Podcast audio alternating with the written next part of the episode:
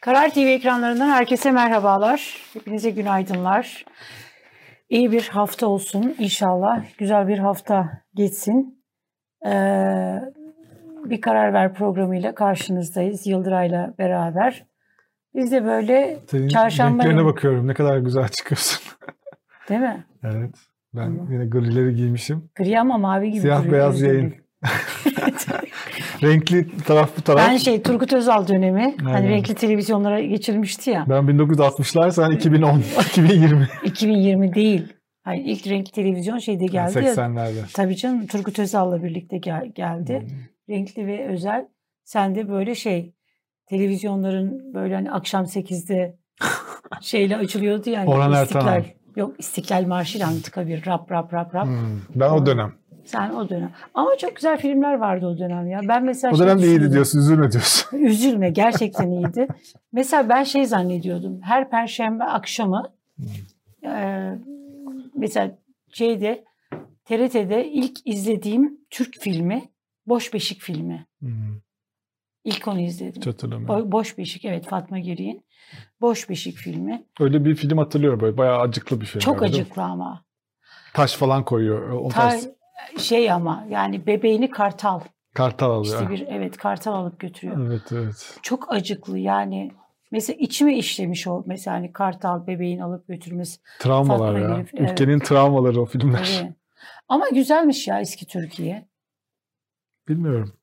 Ona emin değilim ona. Sen şey izlemedin mi? Ku- Kulüp. Kulüp dizisini izledim. Netflix pek güzel değil eski Türkiye.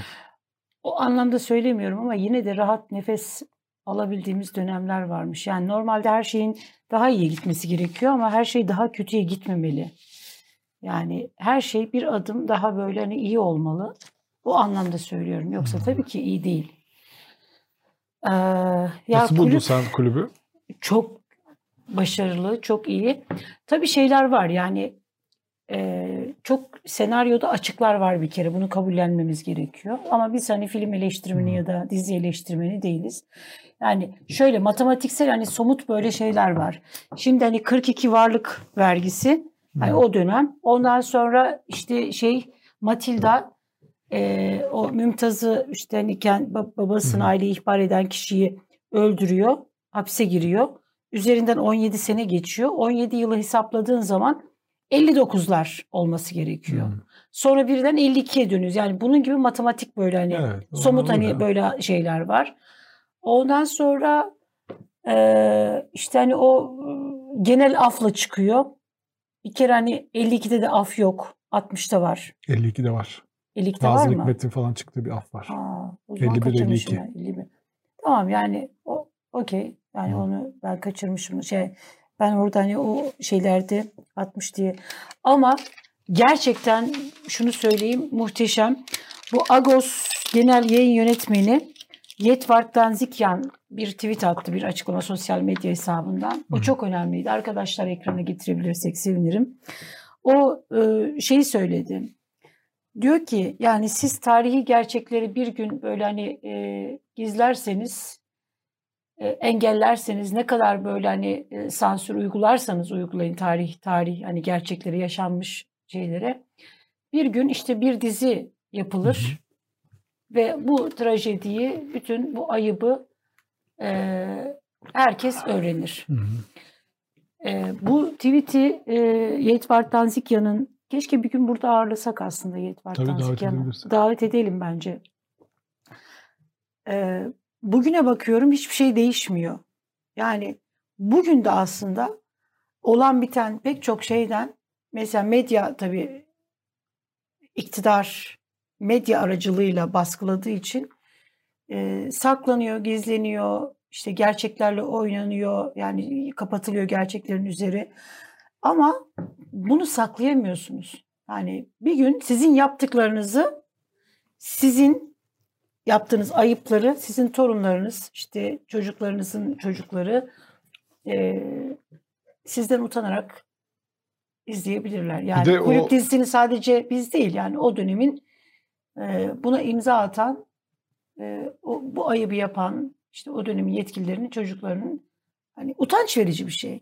Geri yani e, torunların torunlarınızın, çocuklarınızın üzerine böyle bir yük bırakmak, böyle bir ayıp şey bırakmak, miras bırakmak çok kötü bir şey olsa gerek. Bir de o e, böyle şeyleri olurken hı hı. bu ayrımcılıklara e, karşı çıkmak lazım. Çünkü olurken insanlara o kadar çok büyük bir ayrımcılık gibi gelmiyor. Haklı nedenleri varmış gibi geliyor. Yani o zamanlarda Çünkü gerekçelendiriyorsun. Gerekçelendiriyorsun. Yani. Mesela deniyor ki işte gayrimüslimler işte savaş zengini, harp zengini. İşte e, zaten bunlar değil mi bugün de? İstiklal Harbi'nde zaten bizi arkadan vurmuşlardı. İşte evet. işgal kuvvetlerine destek vermişlerdi. Zaten dizide evet. de bunlar anlatılıyor. Bu bu mesaj iyi veriliyor dizide. Yani o me- nasıl meşrulaştırdıkları iyi veriliyor. Bunlar zengin, biz fakiriz. Bunlar ülkeyi sömürüyor. En zengin iş yerleri bunların. En, en evet. zengin işte bilmem Mesela ne. o dönemde buna karşı çıkmak e, önem bayağı bir ileri bir aşamaydı. Çünkü o dönem gazetelerine falan baktığınız zaman 6-7 Eylül olaylarını bile olduktan sonraki gün halkın bir işte Atatürk'ün evi bombalandı. İşte halk da buna tepki gösterdi gibi vatandaşların bir tepkisi olarak görülüyor. Sonradan anlaşılıyor. Yani soruşturmalar falan yapılıyor çünkü 6-7 Eylül olaylarıyla ilgili bir 3-4 bin insan gözaltına alınıyor sonra. Evet. Yani şeyden önce yani Yassıada'dan önce. Demokrat Parti döneminde soruşturmalar yapılıyor, görevden almalar falan var. Ama sonradan anlaşılıyor. Olay olurken şey olmuyor. Mesela bugün de mesela bugün nedir mesela bunun şeyi karşılığı? Mesela bundan önceki 90'larda e, mesela e, Kürtlerle ilgiliydi bu. Yani o dönemde işte PKK eşittir Kürtler, Kürtlere yönelik saldırılar, işte linç evet. girişimleri falandı. O zamanlarda bu zordu buna karşı çıkmak. Şimdi mesela mülteciler şu anda da mültecilere karşı çıkmak için bir milyon tane gerekçe var. Fakirlik, yoksulluk, evlerine gitsinler, sokaklarda pislik yapıyorlar işte bir sürü bir sürü şey. O yüzden mesela dün akşam mesela Esenyurt'ta yine bir markete Suriyelilerin evet. marketine saldırdı. Ondan önce birkaç ay önce Ankara'da bayağı büyük olaylar olmuştu. insanların öldüğü. Ee, bugün mesela buna bu ayrımcılığa karşı çıkmak zor. Çünkü bir sürü meşrulaştırıcı gerekçe var. Halbuki buna karşı çıkmak lazım bugün. Bunu da 50 yıl sonra bir diziden ok- okumayalım yani. Şeyde de aynı şekilde. Şimdi mesela bugünkü hukuksuzluğa yani karşı çıktığın zaman hemen FETÖ'cü oluyorsun. Evet mesela o. Hiç araştırmadan yani o kadar kolay bir şey ki. Yani bugün mesela... Mesela o mallara el koymalar. Ma, evet. İnsanların dükkanlarına girip saldırmalar. Bir çok, sürü şeyler. Çok ayıp bir şey. Bunlar yani. da ileride yazılacaktır yani evet. burada yapılan şeyler. Yani düşmanlaştırma, e, FETÖ'cü damgası yeme. Her zaman hukuk, ahlak sınırlar evet. içinde kalmanın yani doğru kalmak bir şey değil yani lüks değil bu evet. böyle bir etik pozisyon falan değil. Böyle yapmak zorundasın zaten. Yoksa işte böyle 40 yıl sonra, 50 yıl sonra, 70 yıl sonra bir şey ortaya çıkar yani toplum da görür o gerçekleri. O zaman ayıp olur. Senin senin için ayıp olur. Yüzün kızarır. Bir de bu normal bir ayıplı mesele de değil. Bu gerçekten e, yani e, bir hukuksuzlukla, adaletsizlikle karşı karşıya kalmak. Bir ülkede e, mülteci yani burada devletin politikalarını eleştirmek yerine e, oradan hani canını kurtarmak için başka bir ülkeye sığınan kolay mı ya? Kendimiz hani empati yapmak en en kıymetli şey e, bence en güzel bir insanda bulunması gereken erdemlerden birisi empati duygusu. O hukuksuzluk benim başıma gelse işte bir gün çocuklarımın işte hani e, koruyabilmek için bu ülkeden kaçabilmek için o botla, botlara binip hayatımı, çocuklarımı hani kurtarmak. O işte hani e, sınırda donarak ölen anne, hani çorabını çocuğuna giydirip ölen anne. Onun yerinde yani o bizim başımıza gelse ne olurdu? Evet. Bütün bir hayatımız bir de insanlar gelmiş yere, buraya dükkan açmışlar evet. yani daha ne istiyorsunuz insanlar evet. vergi veriyorlar hayat kurmuşlar yani daha ne saldırıyorsunuz evet. bu insanlara? Evet. Ee, bugün e, İyi Parti Siyasi İşler Başkanı Cihan Paçacı bizlerle beraber olacak. Yıldıray et, et al, eli alıyorsun Eti nasıl alıyorsun evine? Küçük paketler halinde. 250. yani çok fazla tüketmemek için daha az az alıyoruz. Ama zaten et yememek lazım. Çok zararlıymış biliyorsun. Hmm. Bir de TGRT'de bir haber çıkmıştı. Şey hatırlıyor musun? Ee, böyle hayvanlar hani diyor ki e, doğanın dengesini bozacak işte şey çıkartıyorlar. Dolayısıyla hmm. ne kadar az ete şey olursa. Veganlığa vurdular kendilerini. Veganlığa vurdular. Enflasyonu şey yapmak için. Mustafa Destici de enteresan böyle bir çözüm bulmuş. Tasarruf önlemi. Hmm. Demiş ki 100 TL'lik et almıyorum, kuzuyu kestiriyorum. Böyle demiş et daha ucuza geliyor. Ha, direkt kuzu kestiriyormuş. Evet. Ne güzel. Kuzuya falan mı girsek hep beraber? Vallahi harikaymış Mustafa Bey. Ha, Kend- yani bayağı şey. tabii. Kestirip dolaba koyuyormuş direkt. Evet. Daha iyi. Ee, her mesele ekonomik. Ben kasaba gidip 100 liralık et almıyorum. Demek ki e, Allah Sayın Destici e, sizin kadar kazanç nasip etsin insanlara. Hepimiz hani böyle gidip kestirelim. Gidip kuzuyu kestiriyorum ya da toplu bir hayvanı oradan parçalayıp alıyorum demiş. Hmm. Şimdi buna dikkat ediyorum. Buna herkes dikkat edebilir. Herkes demiş buna imka bu imkanı bulamayabilir. Bu da ayrı mesele demiş. Allah tabii sizin böyle geliriniz kadar vatandaşa da böyle gelirler verirse Evet. bizler de bir gün böyle hani size böyle akıllar, böyle tasarruf önlemleri eee, verebiliriz. Yani et alamayanlara diyor ki kuzu kestirin bütün halinde koyun. Dana daha iyi değil mi danaya girmek Danaya falan? Daha karlı böyle birkaç yılı kurtarırsın falan. Ya yakında Olmuyor insanlar böyle. İnsanlar hani bildiğim böyle tavuğa filan ortak girecekler Mustafa Bey. Ne diyorsunuz siz ya? Hani siz yine böyle kuzu alabiliyorsunuz böyle. Yani insanlar artık hani böyle üç kuruşluk tavuk etini alamayıp tavuğa ortak girip ortak tavuk filan kestirecek. Memleket oraya doğru gidiyor. Uyanın. Kemal Kılıçdaroğlu'nu izledin mi? Hafta sonu. Evet. Evet biraz izledim. Ben de bir yerden sonra katıldım programa. Yani Telefonla mı katıldın sen de? Katıldım. Bir sürü kişi katıldı ya. Yani e, çok İl- sıra vardı. Hmm, seni Ben de ben sıraya e, çok gerilerden girdim. Sen peki nasıl Hiçbir adımı yorumluyorsun? bile yazdıramadım ben. Bu telefon e, şeyi ilginç değil mi? Çok ilginç. Yani uzun bir süre e, yani uzun bir süredir böyle bir muhalefet liderinin Kılıçdaroğlu'nun böyle muhatap alındığını görmedik değil mi? Hep böyle yok sayılıyordu. Uzaktan cevap veriliyordu. Ama ilk defa orada konuşurken meclis başkanı ve e, ulaştırma bakanı telefonla bağlandılar. Herhalde kendi İstekleriyle değil. evet Zaten şey dedi ya Adil, ben söylemek Tabii. istedim sen söyledin. Adil Kara İsmailoğlu dedi ya yayını izlemiyordum dedi. Öyle dedi mi? Aha. Gerçekten. Tabii, tabii. Bir arkadaş beni aradı mı Bir dedi. arkadaş. Beştepe'den bir arkadaş beni aradı. Nasıl buldun peki e, onun Ya şeyini? iki, iki şey var. Birincisi hani olumlu tarafından Hmm. e, düşünelim. Bu evet CHP'nin yapmış olduğu e, siyasetin muhalefet buna Hı hı. sadece hani CHP olarak değil. Evet muhalefet şu anda yani iktidar bir kere şey üstünlüğünü kaybetti. Toplumdaki hani güvenilir kendi tabanındaki yani o yüzde elli diyor ya bizim yüzde ellimiz var. Oradaki güven duygusunu da kaybetti. Artık AK Parti seçmeninin ya da Cumhur İttifakı'nın Cumhur İttifakı tabanının büyük bir bölümü de e, orada büyük bir çözülme var. Onlar da artık iktidarın söylemlerine inanmıyorlar. E, bunu ciddiye almıyorlar. Hı hı. E, bunun da tabii ki iktidar e, farkında. Muhalefet ciddiye alınıyor ki bağlanıyorlar. alınıyor. cevap veriliyor. Burada şimdi bu bunun göstergesi. Kemal Bey açısından e, zaten yüzündeki gülümsemeden de belli. Hı. Yani bir mutluluk bir şey var. Evet ciddiye alındığının bir göstergesi. Bu iyi bir şey. Hı hı. Adil Kara İsmailoğlu biz Anadolu çocuğuyuz diye savunurken ben çok güldüm. Hı hı. Yani orada ciddi iddialar, ciddi böyle belgeyle Hı hı. konuşuyor. Bunları cevaplamak yerine resmen böyle çünkü mevzudan bir haber olduğu için ne konuşulduğunu falan bilmiyordu herhalde. Ona bağlan demişler, bağlanmış. Ondan sonra biz Anadolu çocuğuyuz, biz böyle siyaset yapmıyoruz falan filan diyen bir sızlanma hali Hı hı. e, vardı.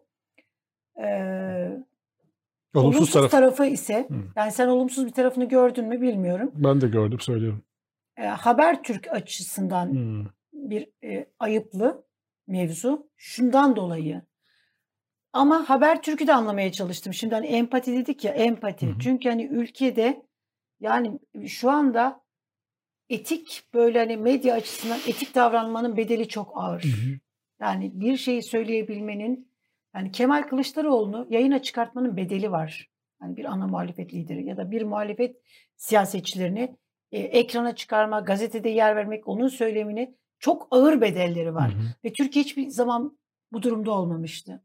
Şimdi Ciner grubu da Kemal Bey orada çok iktidara ağır eleştiriler yaptı. O dengeyi sağlayabilmek için Evet. ilk defa bir şey oldu ve hemen konunun hani muhataplarını bağladılar. Evet. Bu daha önce rastladığımız bir şey değildi. Yani olumlu tarafı Kemal Bey açısından, olumsuz tarafı ama bu tabii trajik de bir şey. Çünkü bu çok tepkiye de neden oldu. Hı. O tepkiye neden olması da e, reklam arasından sonra Fatih Altaylı bir açıklama yaptı. Öyle mi? Onu dinlemedim. Ne dedi? Dedi ki e, biz dedi bunu Kemal Bey'e sorduk dedi. Kemal Bey de hay hay bağlayabilirsiniz dedi. Hı hı. Ondan sonra Kemal Bey'in izniyle, müsaadesiyle biz bu telefonları bağladık. Hı hı. Ee, bir savunma. Çünkü çok ağır tepkiler oldu. Hatta Evet. mesela şey vardı hatırlarsan. Fatih Altaylı ile Murat İde arasında bir şeyde sosyal medya üzerinden Hı. şeyler de e, geçti. Ee, Murat İde diyor ki e, Meral sorulunca danışmanı. Meral Akşener'in Basın basın, danışmanı. basın danışmanı, gazeteci arkadaşımız. Hı hı. Sorulunca Kemal Bey hayır der mi? Bunu sen de ben de çok iyi bilirken reji sürecini bilmeyen izleyiciye öykü anlatmak da doğru iş değil. Ne olmadığını biliyorum. Ortada ayıp yok. Zamanın ruhu var. Seversin bu sözü. Bu da geçer. Doğru. Ben de böyle düşünüyorum. Yani orada Kemal Bey ne diyecek? Bağlamayın ben bunu iste, istemiyorum mu diyecek. Hı hı. Bence şu da olmuş olabilir. Reklam arasında Kemal Bey çok zarif birisi.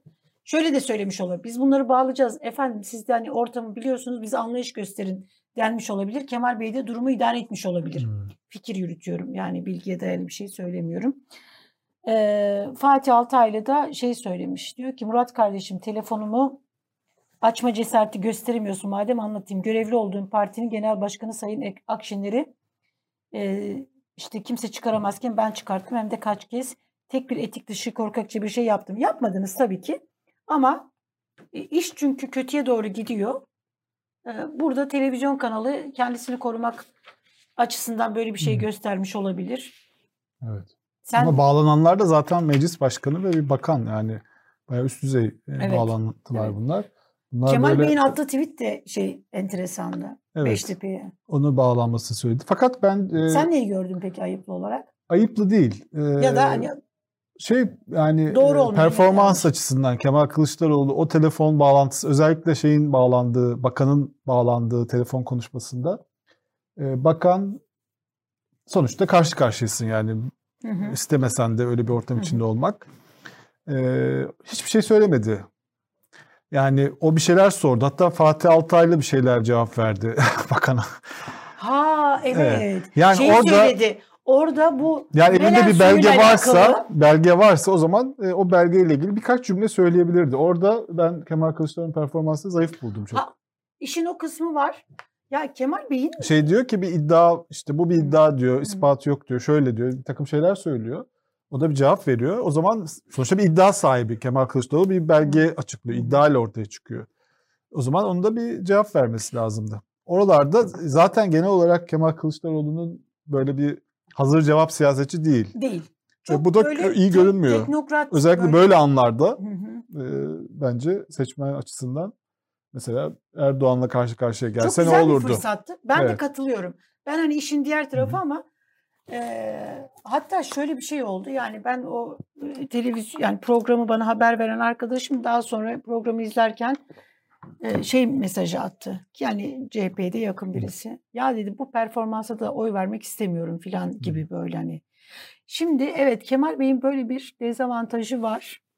Yani iyi bir hatip değil. Pratik cevap böyle hani hemen anında. E, ellerinde CHP'nin genel sorunu şu. O şeyde de mesela şu şey Man adası Adası. var. Man Adası'nda da aynısı oldu. Karıştırmışlar birbirine. Karıştırdılar birbirlerine. Belge, bilgi ya da bir şey e, hani bu buluyorlar ama bunları anlatma konusunda çok becerikli aslında değiller. Kemal Kılıçdaroğlu'nun böyle becerileri vardı. Bir takım Vardı. bakan Melih Gökçelik Tabii. çıkmıştı. Başka isimlerle çıkmıştı. Rahmetli Dengirmir Mehmet'in 2-3 görevden tane aldırdığı. bakanla çıkıp Hı hı. tartışmalar yapmıştı. Böyle Biraz var. böyle hani şey yok. Performans yani hatip ondan sonra işte şey arkadaşım mesaj atıyor korkma adını vermeyeceğim kim olduğunu. Şu anda mesaj attı. Adını vermeyeceğim. Korkma, Ama korkacak. bunun karşılığında senden bir şeyler isterim filan. Başına iş gelmeyecek, maliye kapına dayanmayacak. Korkma. Ya Onda zaten maliye dayanmaz. Tam tersi olur. Yani Gelecek iktidar döneminde dayanabilir. Şimdi şey e, e, ne diyecektim? E, şey söylüyorum yani Kemal Bey'in bu performansının yani Hı. mesela Mersin konuşmasında da böyleydi. Evet. Aslında hani iyi bir fırsat CHP çok iyi şey yapıyor ama iyi bir hatip değil. Ee, bir şey anlatırken o şeyi böyle anlatmada birazcık daha ses ondan sonra bu Ali Babacan'da da var ama. Hı. Mesela Mer- Meral Akşener'i ben daha hani böyle Tabii, tabii, meydanlardan çok şey. çok hazır cevap. Hı. Çok böyle hani işte hani pratik, daha böyle halkın dilini. Ama bazen de şunu düşünüyorum Yıldıray. Çok iyi hatip olmalarına ihtiyaç var mı? Böyle hani Seçim keşke kekeme falan olsa e, Vallahi. bundan sonraki liderler de hiç televizyona çıkıp konuşamasalar. Sadece Öyle işlerini yapsalar. Siyaset öyle bir şey değil ama yani. Seçim Doğru kazanmaları lazım. Bu arada geçen hafta ilginç bir olay oldu. Biz bunu tabii program o sırada yok o yoktu. Perşembe, Hı hı. Cuma galiba Cuma akşamı oldu. Evet. Ee, Halk TV'ye yani İsmail Saymaz'ın olduğu bir program var Halk TV'de. Hı hı. Düzenli olarak katıldı. Oraya Nihal Bengüsü Karaca çıktı. Evet. Ve yani iki gün boyunca Nihal Bengüsü Karaca e, şey oldu. E, iki taraftan linç yedi. Halk TV izleyicisi e, işte Kemalist, ulusalcı işte artık neyse o kitlenin bir kısmı tarafından. Bir de iktidar yanlıları tarafından. Hı. İktidar yanlılara bak demiştik size bak Halk TV'de çıktı bu Hı hı. gibi. E, bunlar zaten böyle hani CHP Hı. ile işbirliği yapıyorlar. E, zaten ki- orada da Ekrem İmamoğlu'na hak verdi falan gibi bir linç kampanyası oldu. Ama esas büyüğü diğer tarafta. Ne işi var? Halk TV'de. E İşte şöyle yazmıştı, böyle demişti, şöyle destek vermişti. Halk TV'ye bunu nasıl çıkarırsınız diye. Yani hala vardı yani. Dün bile vardı Nihal Bengüsü. Baktım trending topics'te duruyor. Çok acayip bir şey. Yani bir bu aslında genel olarak e, şeyin e, muhalefetin en ciddi sorunlarından biri. Yani Kemal Kılıçdaroğlu'nun en çok yapmaya çalıştığı şey. Halk TV de aslında bunu yapmaya çalışıyor. Kemal Kılıçdaroğlu'nun e, Açmaya çalışıyor bu Evet. muhalefet alanını e, Bundan diğer gruplara. Halk TV'de aslında Hı hı. bayağı yayınlarını değiştirdi. Yani Hı hı. çok daha fazla insanın göründüğü bir ekrana dönüştü. Eskiden bayağı bir parti kanalıyken şimdi e, herkesin e, diğer partilerden insanların, muhalefet partilerinden ve başka kesimlerden insanların katıldığı ama hala e, muhafazakar kesimden olan, liberal kesimden olan insanlar hala çıkamıyorlar tabii Halk TV'ye. Çünkü izleyici tepkisi var. Bunda deniyorlar. Mesela Evet. bir tane Nihal Bengüsü'yü çıkardılar. E, orada Nihal'de e, bu Ekrem Belediye'ye karşı yapılan e, işte soruşturmalar, terör iddiaları Evet. falan onları eleştiren de şeyler söyledi halbuki. Ama e, bir türlü o kitle e, mutlu olamıyor. Yani o kitle Evet. açılamıyor. Başka insanlar açılamıyor. O o %25'lik 30'luk kesim içerisinde mutlu. O oraya oradan dışarıya fazla kafasını çıkarmak istemiyor. Daha fazla insanların içeri girmesine, ittifaklar yapmasını ancak böyle işte parti liderleri gelsin burada iktidar eleştirsinler. Ona biraz ta- şey var. Onda bile ilk başlar hatırlarsan Davutoğlu'nun ne işi var, Babacan'ın ne işi var gibiydi. Ona alıştılar. En azından bunlar bizim müttefiklerimiz şeyi var. Yani biraz pragmatik bakıyorlar.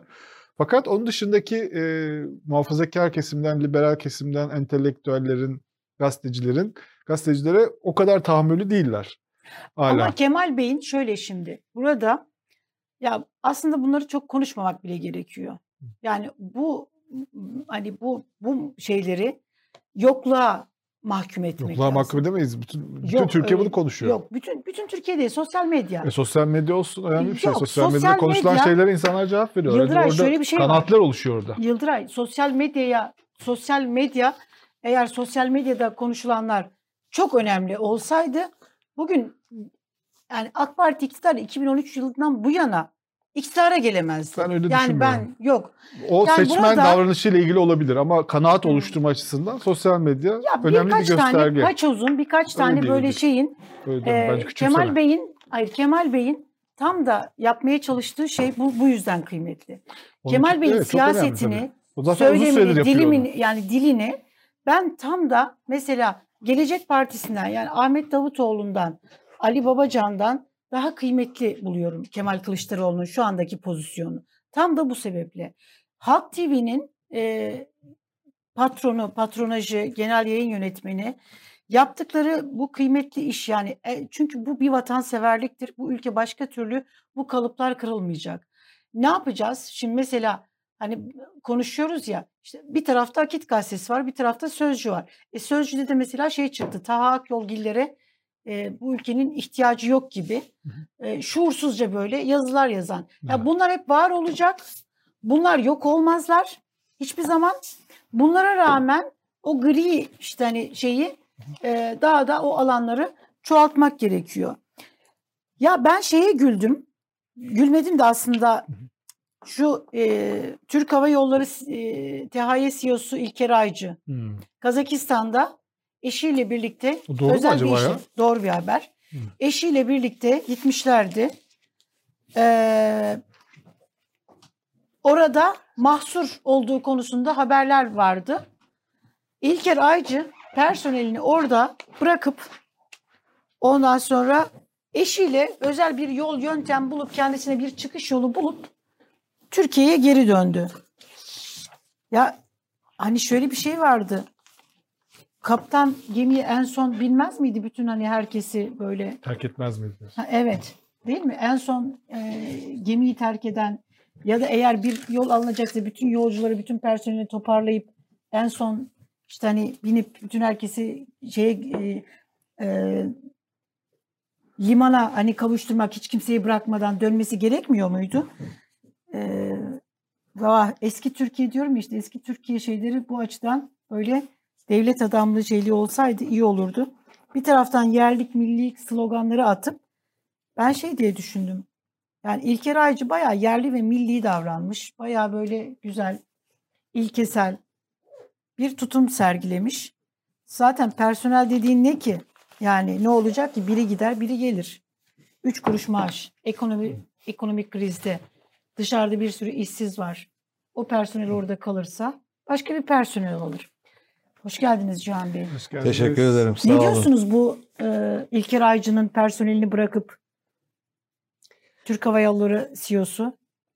Valla ben Ee, işte Türk Hava Yolları'nda çalışıyor olsam kendimi hiç güvende hissetmez. Evet. Ya böyle bir CEO'nun yanında çalışılır mı? Böyle güven duyulur mu? Ee, herkese örnek olması lazım aslında. Hiç e, insana kıymet iş. yok. Evet. Yani e, bir e, e, üst düzey yönetici e, altında çalıştığı e, personelin aslında hamisidir.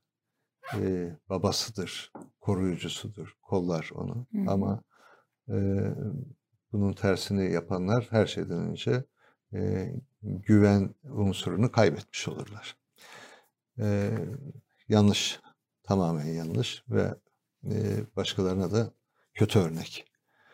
E, ben öncelikle çalışan gazeteciler gününüzü kutluyorum. Çok teşekkürler. Çok E, teşekkür Sizin ederiz. aracınızla bütün çalışan, e, emek veren, e, doğru haberi e, objektif bir şekilde vatandaşa ulaştırmaya çalışan gazetecileri gününü kutluyorum. Daha teşekkür iyi, ederiz. daha iyi şartlarda, daha korkusuz, daha özgür e, haber yapma e, imkanı olduğu günlere kavuşmalarını diliyorum. İnşallah. Yani inşallah öyle olur. Yoksa Türkiye bu gidişle böyle giderse hani o çalışabilen, gerçek anlamda gazetecilik yapabilen, gerçek anlamda çalışıp e, işte hani çalışan gazetecilik etik ve ilkeleriyle haber yapmaya çalışan, milletin yanında duran o hani kamu görevini yerine Evet. getiren gazeteci falan kalmayacak. Günlük Doğru. kutlayabileceğiniz gazeteciler de Doğru. kalmayacak Doğru. böyle giderse. Doğru. Bu çalışan Şimdi- gazeteciler e, demişken bu günün kısa aslında çok ilginç bir hikayesi var.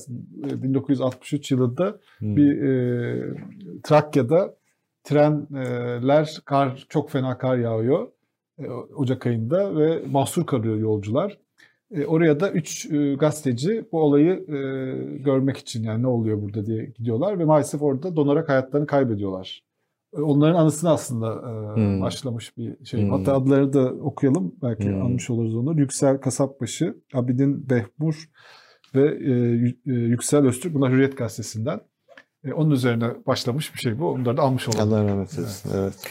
Bu şey var, e, Zafer Havalimanı e, Cihan Bey. Evet. Önemli diye düşünüyorum. Hiç indiniz mi Zafer Havalimanı'na? Kütahya'da galiba. Kimse inmedi ki. 22 Kaç kişi bin, indi bilmiyorum. Ay, 22 bin seçkin kişiden birisi misiniz diye merak Yok ettim. efendim değilim. Biz de yokuz yani o Değilim, 22 bin. evet. Evet. Ee, onlara herhalde devlet böyle ödül ödül falan ver, özel plaket vermeli. Bu havalimanını kullandığınız için falan diye. Ee, buranın 2021 yılı hedefi 1 milyon 317 bin yolcu hedefi varmış. Hmm. Yani öngörüsüzlüğün de bu kadarı. 22 bin kişi kullanmış bu havalimanını. Nasıl değerlendiriyoruz? Şimdi bu Şimdi kamu bu kadar işbirliği projesi. Şimdi bu kadar büyük bir öngörüsüzlüğe inanmıyorum. Ee, yani e, 22 binse işte öngörüsüzlük olursa bunu 3'e katlayın 60 bin, 70 bin, siz deyin 100 bin. Hı hı. Yani 100 bin tahmin edersiniz ama 22 bin olur. Evet. Bu bir öngörüsüzlüktür. Bu nedir Ama- peki? Ee, bu e, e, birilerine menfaat sağlamaktır. Ee, başka bir e, izahı yok bunun. Yani e, 1 milyon 300 bin yolcu e, kapasitesi olacağına e, inanan ve bunu anlaşmaya koyan e, kişi veya kişiler e, birilerine e, menfaat sağlamış e, olmaktadır. Ancak böyle izah edilir. E, yani e, biz e, İyi Parti olarak e, ilk seçimlerden sonra e, iktidar e, olacağımızı ben öngörüyorum. E, tabii e, rövanşist bir politika asla izlemeyeceğiz. E, intikamcı bir yaklaşım içerisinde de olmayacağız. E, ülkenin kutuplaşmaya değil e, birleşmeye ihtiyacı var, bütünleşmeye ihtiyacı var. E, kavgaya değil barışa ihtiyacı var. E, yani bir başka siyasi partiye oy vermiş vatandaşlarımızın yaşam e, haklarını, düzeyini asla kimsenin devlet olarak müdahale etmemesi gerekir. Yaşam tarzına, kimliğine, inancına kimsenin itiraz etmemesi ve herkese eşit davranması gerekir bir devlet yönetiminin. Biz de bunu kabullenip ve bu yönde hareket edeceğiz. E, ancak bunu söylerken e, yanlış yapanların, e, usulsüz işler yapanların, e,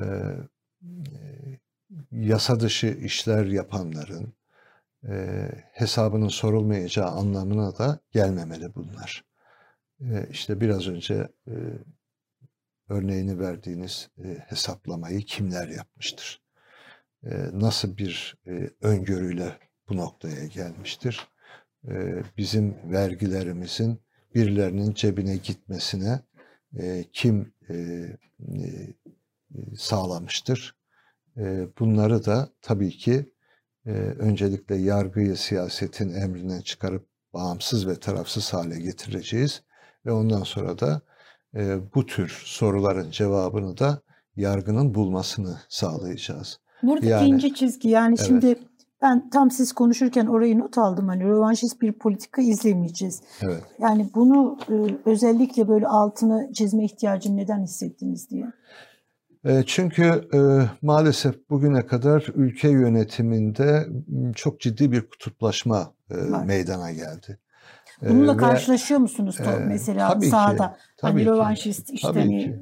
başımıza bir iş gelecek. Bundan vatandaş korkmaz aslında korkmaması gerekiyor. E, Şimdi e, vatandaş o kadar korku e, içerisinde ki e, ben bir e, anımı hemen kısaca anlatayım. E, Sanıyorum Kırıkkale'deydi. E, Meral Hanım işte bir konuşma yapıyor otobüsün üzerinde. E, Ben yakında durmam genellikle. Böyle en son halkaya giderim. Onlar ne diyor? Uzaktan izleyenlerin e, fikirlerini almaya çalışırım. Çok uzaktan bakıyorum. Birisi böyle kulağını dikmiş. Ne dediğini de anlamaya çalışıyor. Çünkü uzak. Dedim ki ya niye gitmediniz? Dedi ki oğlum öğretmen dedi. Oraya gidersem dedi beni dedi orada çekerler dedi. E, kamerayla dedi. Oğlumun başına iş gelir dedi. Şimdi e, böyle bir ortamda e, vatandaş e, 20 yıldır yaşıyor. Sürekli kutuplaşma içerisinde. E, bundan sonraki süreçte de acaba e, AK Parti gidecek, Millet İttifakı e, iktidar olacak, onlar da bu sefer bize mi yapacaklar gibi bir endişe e, duyabilir AK Parti'ye Özellikle oy bürokrasideki bürokrat, AK. Partili sade vatandaş. Yani dedim ya sade vatandaş, oğlu öğretmen, kızı hemşire vesaire. Bunlar da böyle bir endişe duyuyorlardı. Bizim iktidarımızda böyle bir endişe olmayacak. E, her siyasi partiye e, oyunu herkes rahatlıkla verebilir, vermelidir. Demokrasinin gereği de budur. E, dolayısıyla bundan dolayı e, sen bizden değilsin gibi bir anlayış e, son derece çirkin ve yanlış bir anlayıştır. Herkes inancında dediğim gibi seçeceği siyasi partide, kimliğinde e, hiçbir fark gözetmeden devlet tarafından eşit vatandaş olarak görülmelidir. Devleti yönetenler de bu anlayış içinde olmalıdır.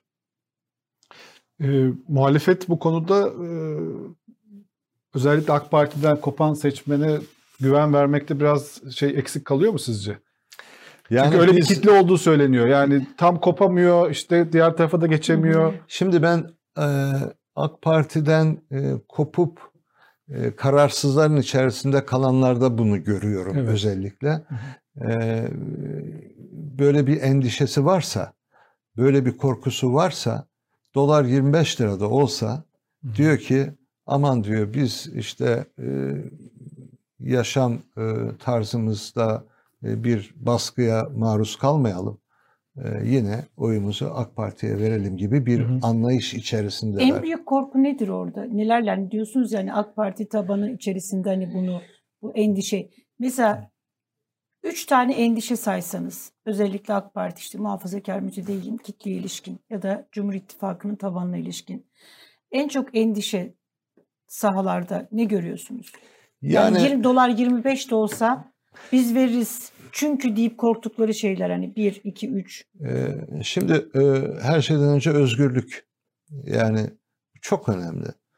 E, acaba e, 28 Şubat sürecinde bu insanlar açık konuşalım eziyet çektiler. Yani evet. e, bunu e, hepimiz kabul etmeliyiz. E, yani başında türban var diye e, işte resmi kurumlara dahi alınmayan insanların özgürlüğünden bahsedilemez.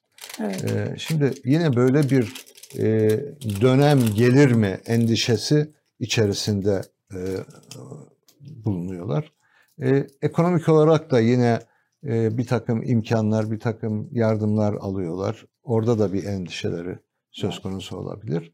E, tabii bu endişeleri biz e, bugün e, sözle ifade edeceğiz. Böyle bir endişe duymanıza e, asla e, yer vermeyin. E, biz böyle bir anlayış içerisinde değiliz. E, ama e, bir kısım seçmen ancak bizim iktidarımızı gördükten sonra belki de e, bize inanmış olacak. Ama, ama ola, olabildiğince olabildiğince biz bu seçmene bu sözü verip onların e, bu endişelerini ortadan kaldırmak Ama durumundayız. Ama sizin iktidara gelebilmeniz için de o endişeleri gidereceksiniz ki onlar size ancak oy verirse o endişeleri giderebilirseniz iktidara gelebilirsiniz. Yani o endişelerin bir kısmı tabii ki giderildi. Giderilmeye de deva- devam ediyor. O giderilen bize yetiyor zaten. evet. yani Cumhuriyet Halk Partisi özellikle çünkü Cumhuriyet siz merkez sağ gelenekten geliyorsunuz. Evet, evet. E, Cumhuriyet Halk Partisi ile ilgili yani sizin ittifak e, ortağınız olan onunla ilgili genel olarak muhafazakar kesimde tarihten gelen bir e, şey var. Eli gitmeme diye evet, tarif evet, edilen evet, bir şey var. Evet. Onların Cumhuriyet Halk Partisi'nin şeyini nasıl buluyorsunuz? Yani Kemal Bey çünkü epey adım atıyor bununla ilgili. Kemal Bey e, dikkat ediyorum e, çok sık tekrarlıyor. Biraz önce benim söylediğim şeyleri evet. o da tekrarlıyor. E, o da böyle bir e, anlayış içerisinde olmayacaklarını ifade ediyor. E, ama e, seçmeni ikna edebiliyor mu? Bunu seçimlerde göreceğiz tabii ki. Yani ama bizim ortağınız olarak nasıl görüyorsunuz? Başarılı buluyor musunuz Kemal Bey'in söylemlerini ya da CHP'nin? Ee, evet Kemal Bey çok iyi niyetle e, yürüyor. E, işte helalleşme diyor. E, efendim e, mütedeyyin kesimi rahatlatmaya çalışıyor. E, yani e, bunun ötesinde yapacağı bir şey yok Kemal Bey'in. Ama bazen ee, CHP'den böyle şey sesler işte, çıkabiliyor CHP'den, hemen o evet, şeyi değiştiriyor. O, o işte e, maalesef onu önlemek mümkün olmuyor. E, tabii e, bir de şu şöyle bir anlayış var. Özellikle e, yandaş basın diyeceğim, medya diyeceğim. E, CHP yönetiminde olmayan CHP'lilerden birisi bir şey söylediğinde sanki bunu Kemal Bey söylemiş gibi, CHP yönetimi söylemiş gibi e, takdim ediyorlar. E, o da tabii e, vatandaşta ters etki ediyor. Habertürk'ü izlediniz mi Kemal Bey'in programını? Tam izleyemedim. Ama, Ama, haberiniz var. Biliyorum. Evet. Siz deneyimli bir siyasetçisiniz. O akşam e, Kemal Bey'in programına e, işte Meclis Başkanı, Ulaştırma Bakanı'nın yayına bağlanmasını e, bir e, siyasetçi olarak e, Ne nasıl değerlendirdiniz? Yarın Meral Hanım bağ- konuştuğunda da bağlanabilirler. Öyle bir şey mi açıldı? Artık muhalefet Vallahi bu- liderleriyle tartışma diye bir şey mi açıldı? Bu telaşın e, göstergesi. E, yani e, e, Kemal Bey'in söyleminin e, karşılık bulduğunu gösteriyor. Evet. E, bunu önlemeye çalışıyorlar. Ve tabii e, sanıyorum e, talimatsız hiçbir şey yapmazlar. E, saraydan çıkın cevap verin talimatı almış olabilirler. E, yoksa talimat olmadan çıkıp kendilerini dahi savunamazlar maalesef. Ne diyorsunuz bu e, e, Hazine ve Maliye Bakan Yardımcısı e, yeni ekonomi programı için halktan dua istedi. Dua etsin ki tutsun dedi.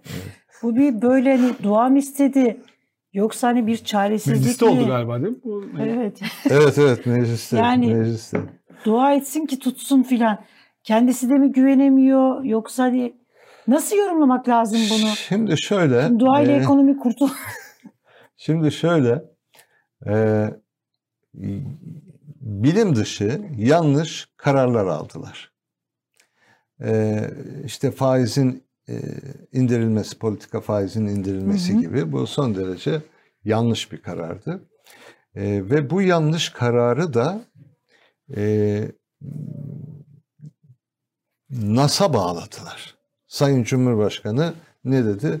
Bir Müslüman olarak Naslar neyi gerektiriyorsa onu yapacağım dedi. Yani yanlışı e, İslami esasların arkasına saklamaya çalıştılar. Onunla örtmeye çalıştılar. Evet. Onunla izah etmeye çalıştılar. E şimdi öyle yaparsanız sonucunu da duayla, e, duadan beklersiniz. e, inşallahla, maşallahla e, götürmeye çalışırsınız. E, şimdi e, sadece ekonomide değil, her konuda bunlar bu noktada maalesef yani ipin ucu kaçtı e, Elif Hanım. E, her e, yerde e, hani bir amiyane tabir olacak ama e, politika saldım çayıra mevlam kayıra. Yani o noktada kontrolü kaybettiler. Dış politikada kaybettiler. Eğitimde kaybettiler. Ekonomide kaybettiler. Hiçbir yerde bir şey tutmuyor artık. Yani hiçbir yerde bir koordinasyon yok. Bakanlar arasında, bakanlar, bakanlıklarla saray arasında hiçbir koordinasyon yok. Ee, hiç kimse bir yetki kullanamıyor, bir karar alamıyor. Herkes Tayyip Bey'in gözünün içine bakıyor. Acaba ne der, ne demez? Ee, yani özellikle bu sistem değiştikten sonra çok arttı.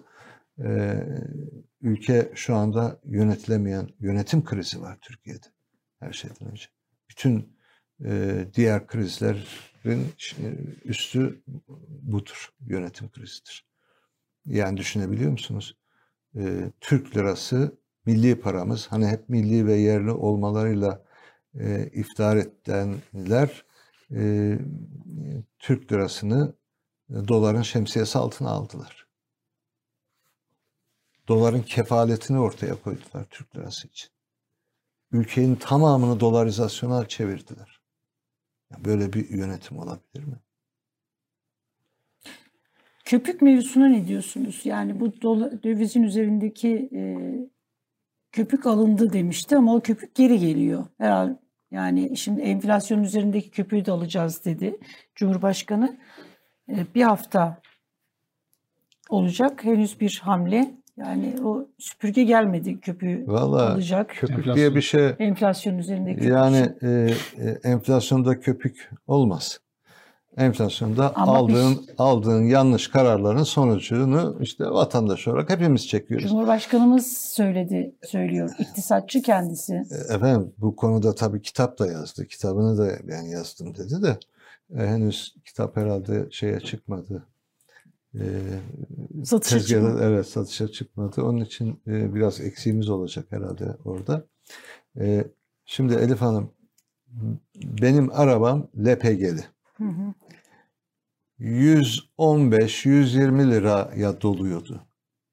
Dün buraya gelirken 403 liraya doldurdum. Düşünebiliyor musunuz?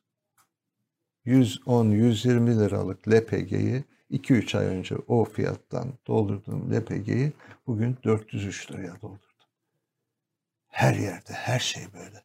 Yani yüzde 36 falan diyorlar da enflasyon. Nerede yüzde 36? İşte enflasyon araştırma grubunun Evet, yapmış ENAG. olduğu. ENAG'ın yapmış olduğu şey yüzde 82. Ben bunun da üzerinde olduğu kanaatindeyim. Çünkü e, her haneye e, giren enflasyon farklıdır. Harcama kalemlerimiz farklıdır. Ama genelde gıdadır, konuttur, işte eğitimdir. E, bunlara baktığınız zaman çok büyük oranda yüzde yüzler civarında bir enflasyonda karşı karşıyayız. E, Efendim dün gene okudum e, birkaç ay içerisinde yeni ekonomi bakanımız, Hazine ve Maliye Bakanımız tek haneli rakamlara düşüreceğini söylüyor. Ya yani e, keşke biraz düşünerek konuşsalar. Bu şeye benziyor. Berat Albayrak hani derdi ya bir sonraki ay bundan daha iyi olacak Evet. falan Mart, diye. Nis- Mart, Şubat'tan, evet. Nisan, Mart'tan. Evet, böyle böyle iyi olacak diyordu. Bu da aynı anlayış içerisinde herhalde. Birkaç ay içerisinde tek haneli rakamlar inecek. Birkaç ay içerisinde enflasyon, o yalan enflasyon, TÜİK'in yalan enflasyonu yüzde ellileri bulacak. Yani siz 31-12'den e, önce yapmanız gereken zamları Ocak ayına sarkıtırsanız, işte bütün zam yağmurunu biliyorsunuz e, Ocak ayına e, aldılar ve böylece memura emekliye yapacakları enflasyon farkını aşağı çekmiş oldular. Yani kendi e, vatandaşına bir şekilde tuzak kuran bir anlayış bu. E, ben e, ilk 6 ay içerisinde e, 2022'de enflasyonun çok daha yükseklerde seyredeceği. Yani e, Üçlü haneleri çıkabilir mi? e, TÜİK'in enflasyonu Çıkmıyor. itibariyle söylüyorum yüzde 50'ler civarına Hmm. çıkar. 45-50 bantında olur. E, ama gerçek enflasyon yüzde yüzü zaten aşar. E, şimdi Bu ne demek? e, Yani şimdi ne olur? şöyle e, üretici enflasyonu yüzde e, 80. Bu da yine TÜİK'in rakamı. E, şey e, e, tüketici yüzde 36 arada yüzde 44'lük bir fark var. E, yani e, üreten kişinin maliyeti, üretim maliyeti yüzde 82 artmış. Hı hı. E, enflasyon 36 diyorsunuz. Demek ki bu daha fiyatlara yansımamış. Bir de bunun yansıması e, olacak. E, dolayısıyla e, yüksek bir enflasyonla e, karşı karşıya kalacağız. E, ayrıca e, enflasyonla mücadele için bir tedbir yok. Alınan tedbirler de son derece yanlış tedbirler. Şimdi siz talimatla faiz indiriyorsunuz. Efendim polisiye tedbirlerle fiyat istikrarı sağlamaya çalışıyorsunuz. Yani böyle bir ekonomi yönetimi olabilir mi? E, şimdi e, siz faizleri e, talimatla indirirseniz, enflasyon düşmeden faizleri indirirseniz, arada negatif faiz oluşturursanız, şimdi düşünün yüzde 36 enflasyon, e, yüzde e, 14 e, Faizi. şey Merkez Bankası Merkez faizi. Bankası faizi. Şimdi arada yüzde 22'lik e, bir negatif faiz var. E şimdi vatandaş e, parasını mevduata yatıracak, tasarrufunu mevduata yatıracak, e, yüzde 22 zarar edecek. Öyle mi? E ne oldu? Şimdi siz politika faizini düşürdünüz ama piyasa buna uymadı. Çünkü eşyanın tabiatına aykırı yaptığınız iş mevduat faizleri de arttı. Hazinenin borçlanma faizi yüzde 25'lere geldi. Yani 10 yıllık tahvilin faizi yüzde 25. Biz yarın iktidara geldiğimizde bunların borçlandığı faizi ödemek zorunda kalacağız. 10 yıl boyunca bu ülke tahvili alanlara yüzde 25 faiz ödeyecek. 10 yıl daha böyle. 10 yani. yıl. Evet 10 yıl. 10 yıllık tahvil faizleri yüzde 25. 10 yıl süreyle her sene yüzde 25 faiz ödeyeceksiniz. Yani böyle bir anlayış olabilir mi? Bu de, yani bu ihanet başka bir şey değil. Ee, şimdi e, hazinenin borçlanma faizi yüzde 25'lere geldi. Ticari kredi faizleri yüzde 25 ile 40 arasına çıktı. Mevduat faizleri yüzde 20'nin üzerine çıktı. E ben faizi, politika faizini yüzde 14'e düşürdüm. Niye? Nas. Yani sözün bittiği yer. bunlar. Bir şey samimiyetle merak ediyorum. Tabii. Siz çok uzun yıllar Devlet Bahçeli ile siyaset yaptınız. Yakındaki isimlerden birisiydiniz. Ee, Devlet Bahçeli e, iktisatçı. Gerçek anlamda iktisatçı. Evet, doğru. Yani ve bir akademisyen. Doğru. Şimdi mesela hani bütün bu nas bir tarafta e, iktisat bilimini okumuş, bu konuda ders vermiş. Cumhurbaşkanı da okumuş iktisat olarak. Onu unutuyorsun hep. E, tamam da yani Neyse birisi Tamam, hoca birisi evet, doğru. o- Evet. öğrenci. Bahçeli Evet. Hoca Gazi Üniversitesi'nde Evet. hoca. yani hoca yani birisi Evet. iktisat okumuş. Gerçi o da Ali Babacan hocalık yapmış öyle demişti Barlas ama şimdi yani Devlet Bahçeli'yi yakından tanıdığınız için ben hiç tanımadım. Yani bu tür Evet, bir yakın sohbet etme 9 yıl imkanımız da beraber var. çalışma. Evet. Şimdi yakından tanıyorsunuz.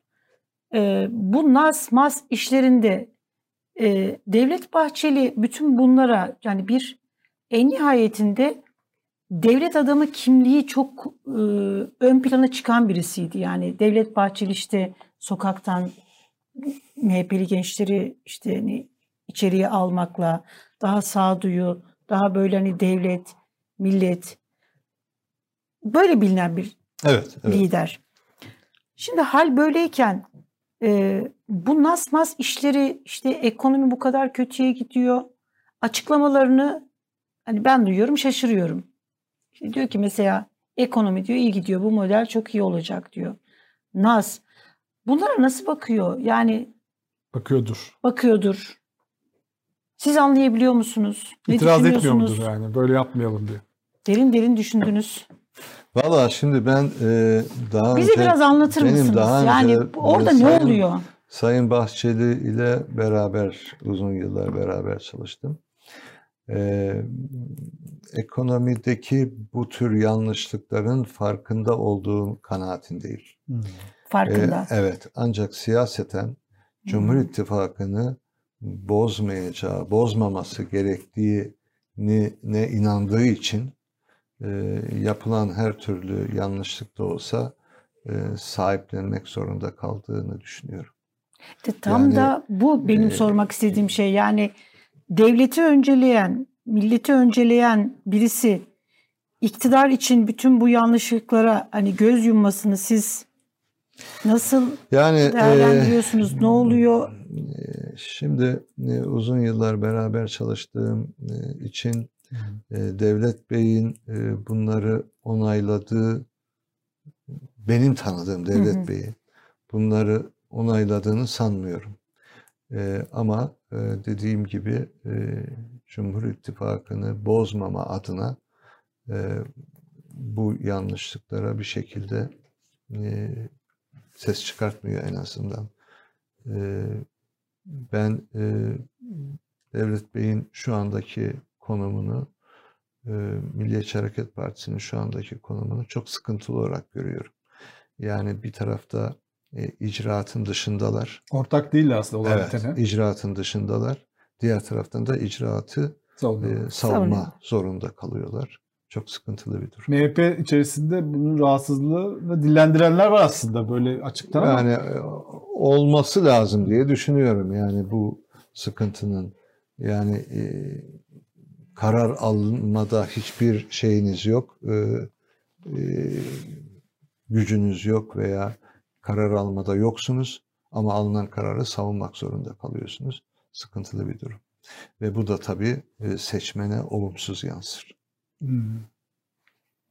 öyle bir şey var mı anketlerde görünen özellikle MHP'den? tabii Size biz karşı özel bir anket yaptırmıyoruz ama Milliyetçi Hareket Partisi'nin oyunun ciddi şekilde düştüğü anketlerde görülüyor yani. E, Başka türlü olmaz. Yani e, bir siyasi partiyi e, her şeyiyle savunacaksınız. Bütün yanlışıyla savunacaksınız. Ve o yanlışların devam etmesi yönünde politika üreteceksiniz. Cumhurbaşkanlığı meselesinde de yine o başka bir siyasi partinin e, genel başkanını e, aday göstereceksiniz. E, kendinizin e, iktidar olma e, hedefini hiç bahsetmeyeceksiniz, hiç oral olmayacaksınız. E, tabii ki seçmen e, bu durumda oy verdiği partiyi düşünür. İyi Parti'ye giriyor mu MHP tabanındaki işte bu rahatsızlıklardan? Yani tabii birebir ne olduğunu bilemem ama e, iller bazında yapılan e, e, araştırmalarda İyi Parti'nin e, yükseldiği illerde e, AK Parti ve MHP Cumhur İttifakı oylarının düştüğünü görüyoruz. E, yani e, bu da oradan bize e, oy kayışının olduğunu gösteriyor. E, şimdi siz ekonomi yönetiminde de bulundunuz, bakanlık yaptınız e, daha önceki hükümetlerde. E, enflasyonla biraz önce söylediniz aslında yani enflasyon Türkiye şu anda dünyadaki en yüksek enflasyonlardan birine sahip. Galiba 8. sıradaydı en son Evet. şeyde dünyada. Bir Arjantin'in altında. Muhtemelen onu da geçmek geçebilir yani hı. aylarda. E, enflasyonla bir mücadele diye bir şey. Yani eskiden de enflasyon olurdu değil mi? Yani eskiden çok önemli 90'lar en önemli sorunuydu enflasyon. Sizin dönemlerinizde de. Fakat enflasyonla mücadele edeceğiz denirdi. İşte hani böyle programlar açıklanırdı. bir şeyler olurdu yani. Şu anda ne görüyorsunuz? Yani enflasyonla mücadele adına bir şey yapılmıyor ve neden yapılmıyor? Çünkü bu doğrudan seçmeni etkileyen bir şey. Yani seçime de gidiyoruz. Şimdi ben e, ekonomi yönetimindeki bürokratları tanıyorum. E, liyakat yerine sadakat esasıyla geldiklerini düşünüyorum. Tanıdığım için. E, dolayısıyla ciddi bir e, enflasyon mücadelesinin olduğuna da inanmıyorum.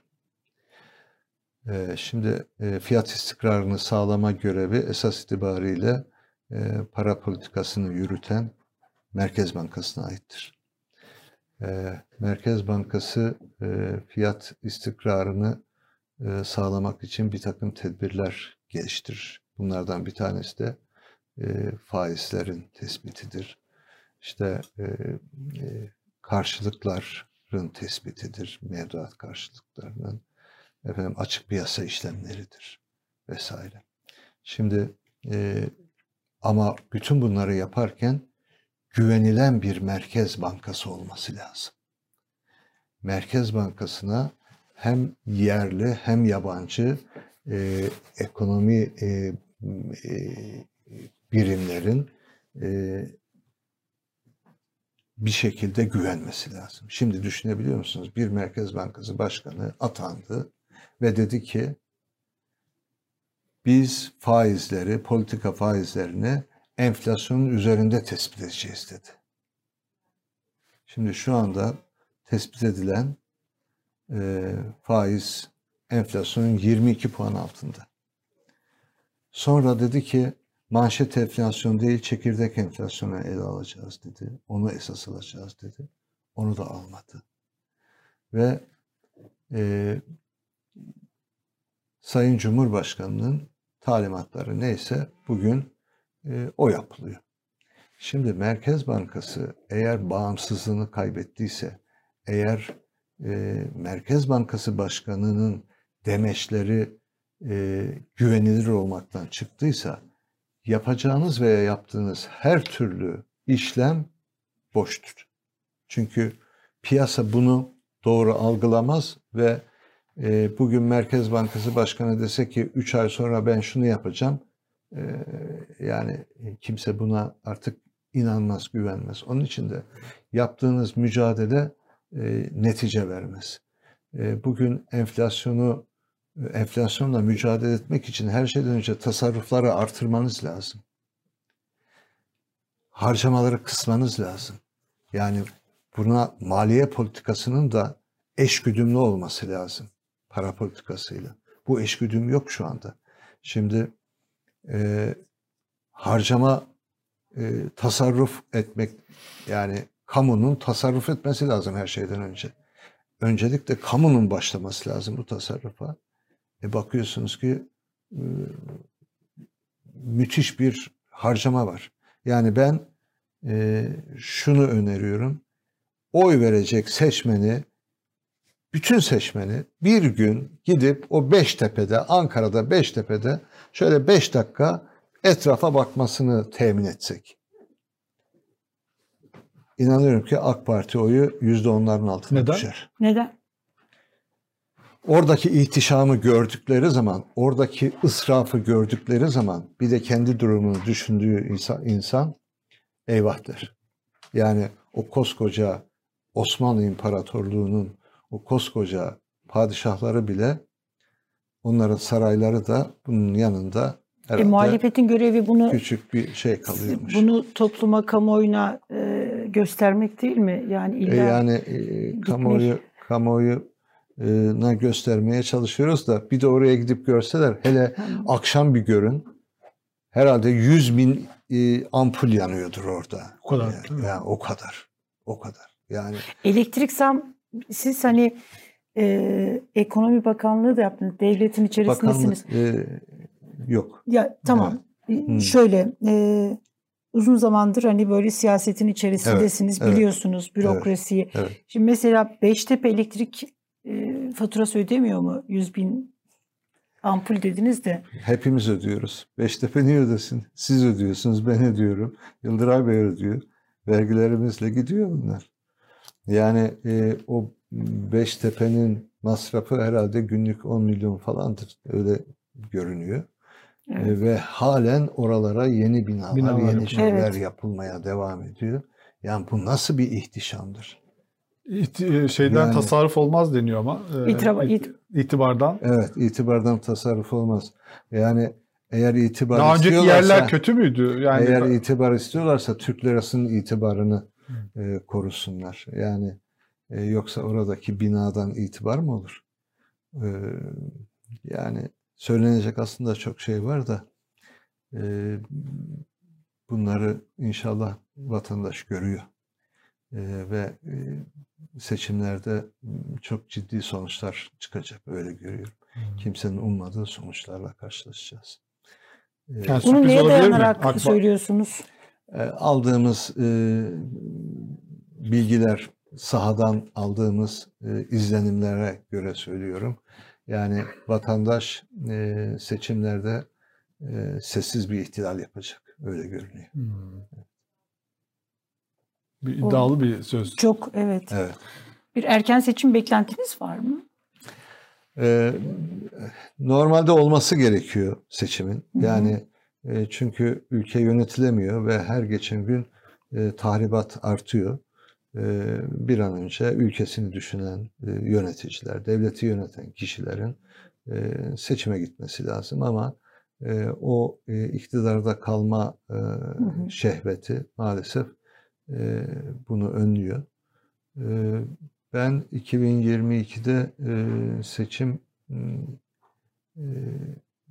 olabileceğini düşünüyorum. Çünkü artık Türkiye daha fazla kaldırmaz.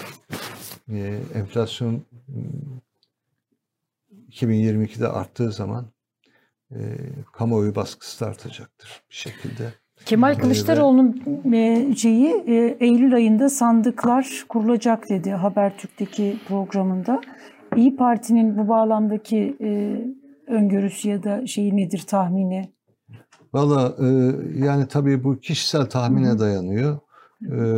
Çünkü iktidarın e, artık rasyonel düşünme Hı hı, e, yetisini kaybettiğini görüyorum. hı hı. E, dolayısıyla e, benim e, tahminim 2022'de e, artık e, baskın olursa e, Mayıs-Haziran gibi olabilir.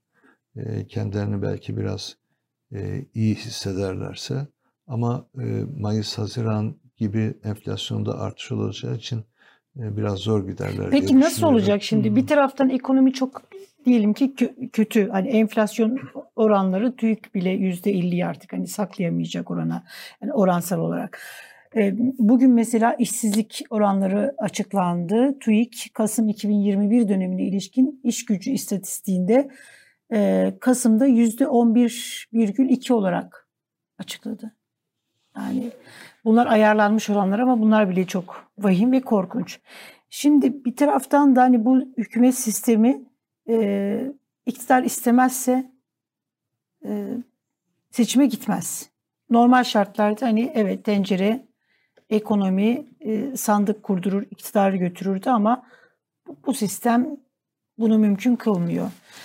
E, ama bir yandan da hani bu şey yürümez seçim olur. Nasıl bir seçime gitme, nasıl o senaryo nasıl olacak? Tahmininiz nedir ya da Yani öngörünüz? şöyle e, e, her geçen gün Hı hı. iktidarın aleyhine Hı hı. Evet. gelişiyor olaylar. Hı hı. Yani her geçen gün iktidar oy kaybetmeye devam ediyor. E, bunu iktidarın da görmesi gerekiyor. Görüyor da aslında. Evet. E, e, ama buna rağmen e, biz e, süremizi sonuna kadar kullanalım gibi bir anlayış Hı hı. içerisinde olduğunu görüyorum. E, yani bu e, e, ülkedeki e, kötü gidişi gördüğü halde e, bunu durdurma iradesinden yoksun olduklarını Hı hı. görüyoruz. E, aksi halde seçime giderler. E, bu e, ülkenin insanı bizi 20 Hı yıl hı. iktidarda tuttu. Hem de tek başına tuttu. Ee, ama artık e, bu insanlara zarar veriyoruz. Ee, bu insanları her geçen gün yoksullaştırıyoruz. Ee, bunu e, seçimle ancak ortadan kaldırabiliriz gibi bir e, anlayış olsa ki doğru anlayış budur. Seçime hemen karar alıp e, seçime gitmeleri gerekir. E, ama bu anlayış içerisinde olmadıklarını görüyorum. Acaba ileride bir ummadığımız bir sürpriz olur da durumumuzu düzeltir miyiz gibi hani milli piyango bileti almış da işte 10 milyonda bir gibi bir e, ihtimalle Yani e, dua kabul oldu, ekonomi evet, düzeldi. Yani e, belki de duamız kabul olur derler yani.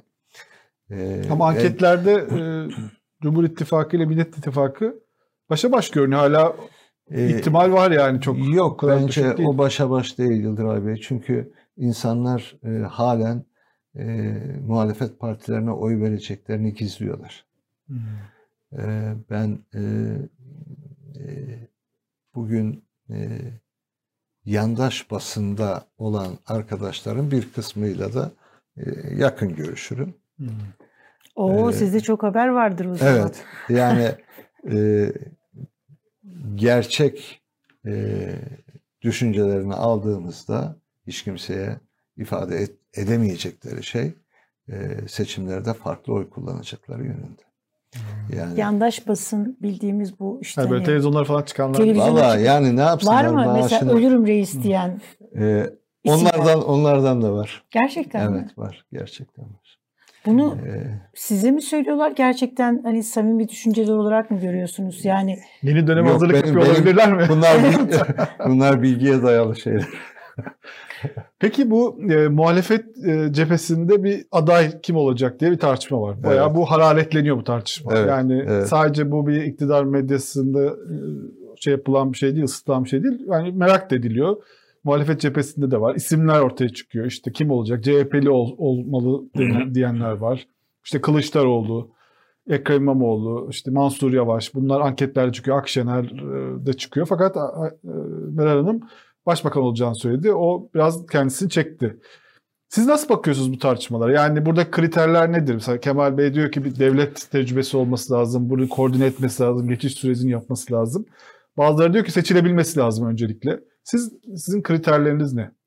Yani tabii ki öncelikle seçilebilmesi e, gerekiyor. Yani öncelikli şart e, seçilebilir olmak. Ondan sonraki diğer özellikler. Şimdi herhangi bir kişi Cumhurbaşkanlığı görevi için çok uygun özelliklere sahip olabilir. Ama eğer seçilebilirliği yoksa o özellikleri alın çöpe atın. Bir şey ifade etmiyor çünkü Cumhurbaşkanı olamayacaksa. Dolayısıyla öncelikle seçilebilir olması gerekiyor ama seçilebilir olduktan sonra da mutlaka o kişinin bir devlet tecrübesinin olması, devletin işleyişini bilmesi. O zaman tarafsız, siyasetçi birisi olacak ve dışarıdan. Olması. Mesela yeni bir e, Ekmelettin İhsanoğlu modeli olmayacak diyebiliriz yani, burada. E, hem e, İyi Parti'nin hem Cumhuriyet Halk Partisi'nin tarifinde böyle bir şey çıkmıyor.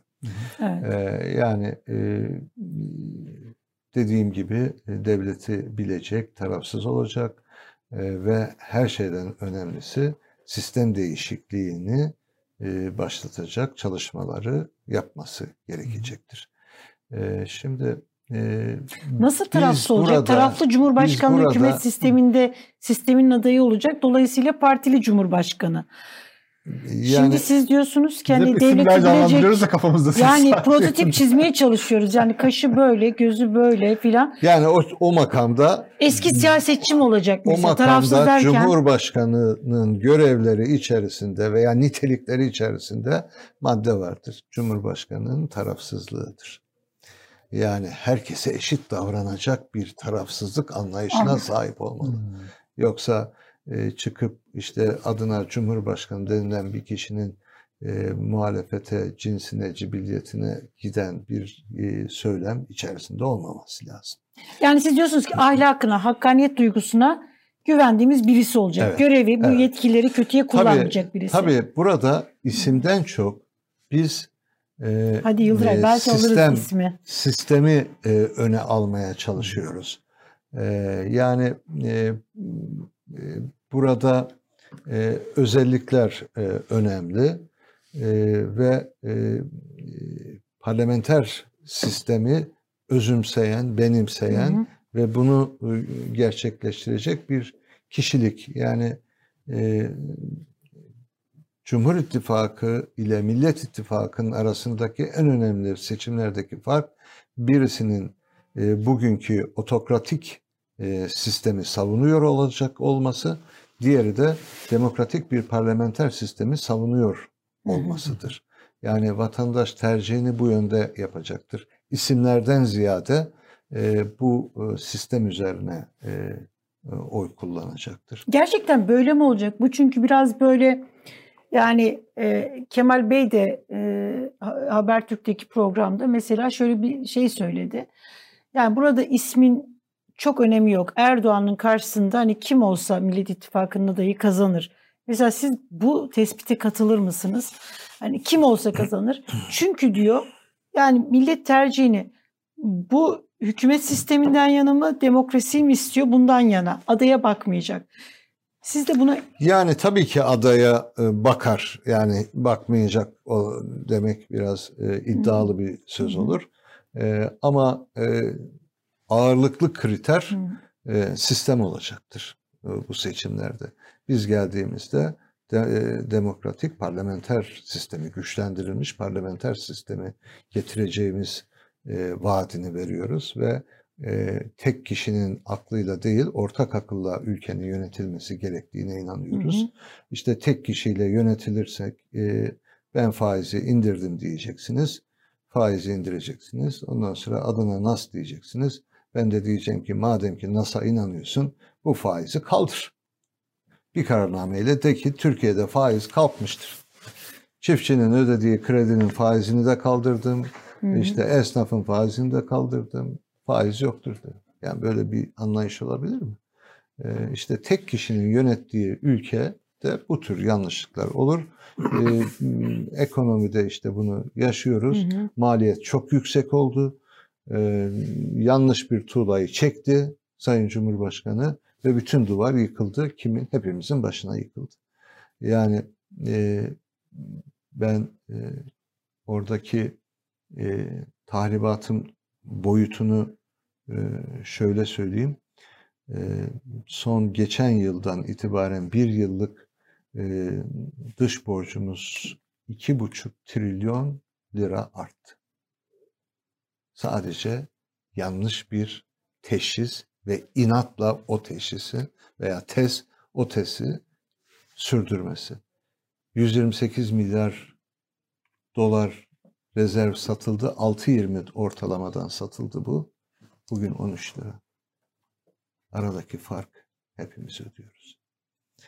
Ee, dolayısıyla bizim sistem e, böyle bir şeye imkan vermez. Yani parlamenter sistem e, denge olacak, denetim olacak. Bugün hiçbir şeyin denetimi yok. Şeffaflık yok. Yani ben şimdi ekonomiyi yorumlayacağım. E, ekonomiyi neyle yorumlayacağım? Rakamlarla yorumlayacağım. E, açıklanan rakamlar doğru değil ki. Yani benim yorumumda da eksiklik var. Niye? Çünkü gerçek rakamları bilmiyoruz. Benim vergimin nereye gittiğini ben bilmiyorum. Hı hı. E şimdi bir de e, kur korumalı e, diye bir e, şey çıkardılar. E, yani benim vergilerimle ben parası olanın e, faizini ödeyeceğim. Yani böyle bir Geçmediğin, sosyal adalet olur mu ya? arabası olmayan birisinin yoldan geçen işte hani Ha. şeylerin vergisini ödemesi Evet, gibi bir şey evet, bu. evet yani e, ve Peki. bu e, çok büyük e, hazineye e, maliyeti olacak bu işin. Onu söyleyeyim yani. Çok büyük maliyeti olacak. Öyle mi? Çünkü Evet. e, dolarda o kadar yüksek olmayacak. ve- Dolar kimse dolarını bozdurmuyor. Çünkü dolarda bir şey yok ki yani e, dolardaki kur farkını e, anca veriyor. E ben e, dolarım dolar olarak kalsın. Yani yükselirse zaten aynı şey diyor. Orada bir farklılık söz konusu değil. Ama Türk lirasında mevduata olanlar bu sisteme döndüğünde ve dolarda da bu yükseliş sürdüğü e, takdirde ki sürecek e, hazine e, çok büyük e, ödemelerde bulunmak zorunda kalacak. E, ve işte bu ödemelerde bize yeni vergiler, vergi oranlarındaki artışla hepimize yansıyacak. Şimdi ısrarla isim söylemiyorsunuz. Ee, kamuoyunda da şöyle bir endişe var doğal olarak. Yani baktığınız zaman Cumhur İttifakı daha böyle e, kararlı, kafası net aday konusunda, Cumhurbaşkanı Erdoğan adaylığı konusunda. Orada bir herhangi tartışma yok. Bu kadar böyle hani Millet İttifakı'nda ise bir muğlaklık ve belirsizlik. Sürekli böyle prototip çiziyorsunuz. Ama o çizdiğiniz prototipe e, Türkiye'de uyan birisi hem var gibi çok isim var hem yok gibi bilmiyoruz. Neden ısrarlı bir şekilde mesela adayınızı Millet İttifakı açıklamıyor? Devamlı Ee, böyle genel geçer böyle hani Şimdi şöyle, e, Cumhur İttifakı'nın adayı e, belli mi? belli. Değil. Bence değil. E, kim dedi Cumhur İttifakı'nın adayı için? E, Sayın Bahçeli dedi ki muhterem Recep Tayyip Erdoğan'dır bizim adayımız. Hı. Recep Tayyip Bunun Erdoğan aksi olacak bir Re- şey yok ki. Recep Tayyip Erdoğan ben adayım dedi mi? Demedi. Demesine gerek yok ki. Yok de, var. Neden? E, yarın e, anketleri önüne aldığında e, kazanma ihtimali zor olduğu bir tabloda Tayyip Erdoğan aday olur mu sanıyorsunuz? Olmaz mı? Olmaz. Kaybedeceği seçime girmez Tayyip Erdoğan. Bugüne kadar kazanan biri kaybederek noktalamak istemez. Ha Ee, Devlet Bahçeli söylemiş orada hani bir birliktelik var. Ha, Ee, Cumhurbaşkanı Erdoğan. Yani aday olan ben adayım demedikten sonra o aday belli değildir. Ha büyük ihtimalle Tayyip Erdoğan'dır. Bunu kabul ederim. Hı hı. Ama Tayyip Erdoğan kesin adaydır. Ee, ben e, Cumhurbaşkanı. Erdoğan çıkıp ben adayım dese Millet İttifakı adayını açıklar mı? Ee, zamanı geldiğinde açıklar. Yani Ee, şu an e, seçim kararı alınır. Seçim kararında çünkü e, Millet İttifakı e, sadece e, iki parti değil, Hı hı, e, dört parti, hı hı. belki altı parti olacak E, ve e, bu partilerin e, yetkilileri veya genel başkanları bir araya gelecek e, adaylar üzerinde bir değerlendirme yapacak ve ortak aday tespiti yönünde Ya o masada karar- anlaşma olmazsa? Çoklu adayla gidilir. Nasıl yani? Yani Herkes e, kendi adayıyla. herkes adayını çıkarır. E, bu matematiksel olarak e, Cumhur İttifakı'na kazandı. Yok. Birinci tur e, yerine ikinci turda seçilir. Hmm. Yani e, Matematiksel birin- olarak birin- bu hesaplanıyor mu? Yani Yani birinci turda zor olur. Yani seçmen herkes kendi partisine oy verdiğinde birinci turda Tayyip Bey de e, yüzde 50 artı biri alamaz. Dolayısıyla ikinci tura kalır. İkinci turda ise iki aday kalır. Birisi Millet İttifakı'nın adayı teke inmiş olur. Bu da peki E, bir seçmene 15 şu duyguyu günlük vermez mi? 15 günlük bir gecikme olmuş olur. Şimdi herkes kendi adayıyla gittiği zaman bu seçmene ya bunlar daha kendi aralarında anlaşamıyorlar.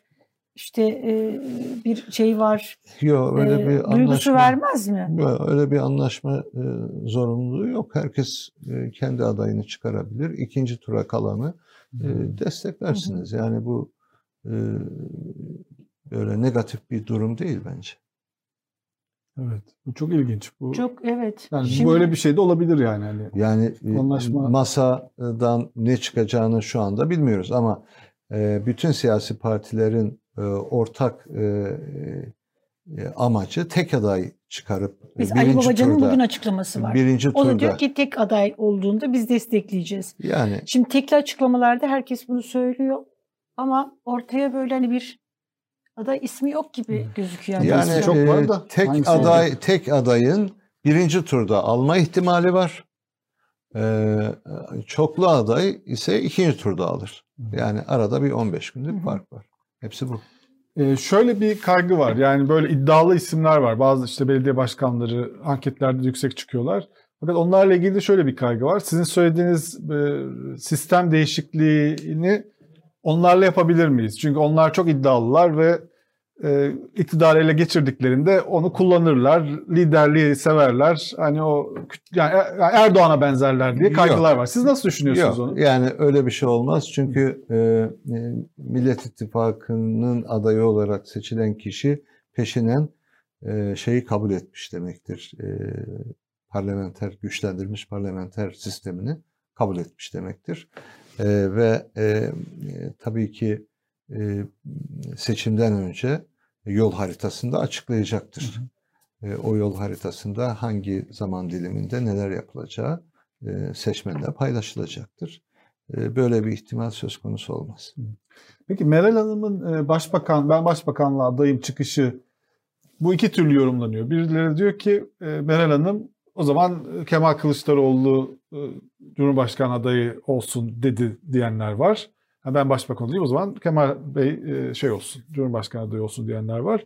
Ya da bu çıkışıyla liderler Cumhurbaşkanı adayı olmasın demeye çalışıyor aslında diyenler var. Siz nasıl yorumluyorsunuz bu? Ama bazen de şey diyor yani Türkiye'ye bir Obama lazım diyor. Evet. Ee, yani Obama'yı da düşün yani bunu böyle çok zorluyorsunuz hepimizi. Bir taraftan prototip tam o prototipe uyan birisini Şimdi- bul- bulurken Obama olsun. Yani Şimdi Meral Hanım e, baştan itibaren bir şey söyledi. E, dedi ki ben e, Türkiye'nin önünü kapatmayacağım asla. evet. E, ve e, çok büyük bir fedakarlıkta bulundu. Yani e, e, biraz önce ifade ettiğimiz e, özelliklere Meral Hanım birebir uyuyor. Ama buna rağmen e, ben e, başbakan olacağım dedi. E, bir e, fedakarlıkta bulundu. E, bunu yaparken e, herhangi bir kişinin lehine e, bir durum yaratma e, Hmm. olarak düşünmedi onu. E, önemli olan Millet İttifakı'nın bir ortak aday e, etrafında bütünleşmesini sağlamaktır. E, ve e, orada e, bu kararıyla e, şunu da e, gerçekleştirmiş oldu. E, parlamenter sistem konusundaki kararlılığımızı ortaya koydu. Yani başbakan olabilmek için parlamenter sisteme geçmemiz gerekiyor. İyi Parti olarak da birinci parti olmamız gerekiyor. Bize de bir hedef vermiş oldu. Dolayısıyla biz o hedef doğrultusunda çalışmalarımızı sürdürüyoruz. Peki Meral Hanım kararı değişebilir mi? Bir noktada Cumhurbaşkanı adayı olarak çıkabilir mi? Yok yani şu an itibariyle Başbakanımız Sayın Akşener'dir.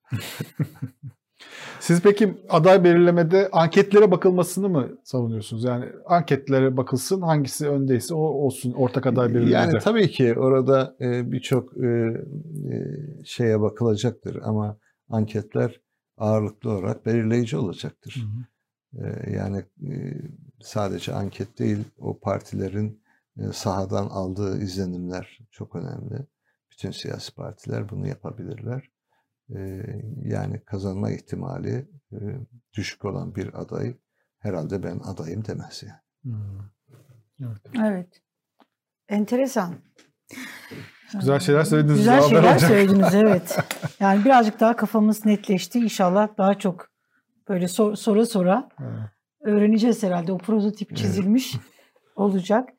Ee, Kazakistan'da olan biteni takip ediyor musunuz Şahan Bey? Evet. E, bizim, Nasıl yorumluyorsunuz? E, yani tabii, bir doğalgaz işte fiyat böyle zam gelen zamlardan zam protestoları Evet tabii olay birçok yönü var. 8 bin kişi gözaltı, 8 bin evet. kişi gözaltı yapılmış.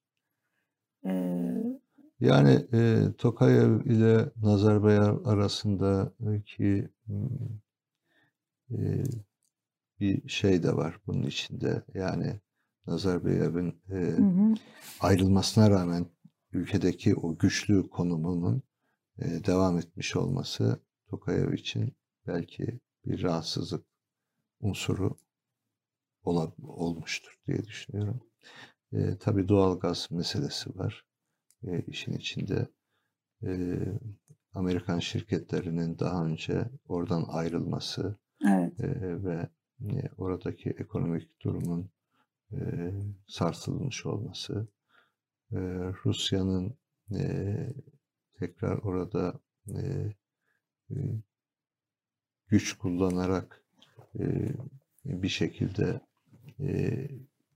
bu kaynaklara daha fazla kontrol etme imkanını elde etmiş olması. Bütün bunlar e, bir araya geldiğinde bu tatsız olay meydana geldi. Bizim dış politikadaki arkadaşlarımız yakından takip ediyorlar. E, biz de endişeyle bakalım ne olacak diyoruz. Evet. Evet. Ama Türk dünyası için iyi bir şey olmadı yani. Evet. evet. Çok teşekkür ediyoruz. Çok sağ olun programımıza katıldınız. Ediyorum. Çok sağ olun. Sağ olun. Çok teşekkürler. Evet. evet programımızın sonuna geldik. Aslında bugün Sözcü Gazetesi'nde çok güzel böyle bir röportaj vardı. Atilla Yeşilada'nın. Hmm. Ee, evet. Şöyle bir bakarsak. Bir dakika. Şimdi birazdan bu. Bugün ben Hürriyet Gazetesi'nin birinci sayfasına bakınca bir anda yanlış gazete mi tutuyorum? Şey pazar ekimi diye düşündüm. Çok böyle cıvıl cıvıl.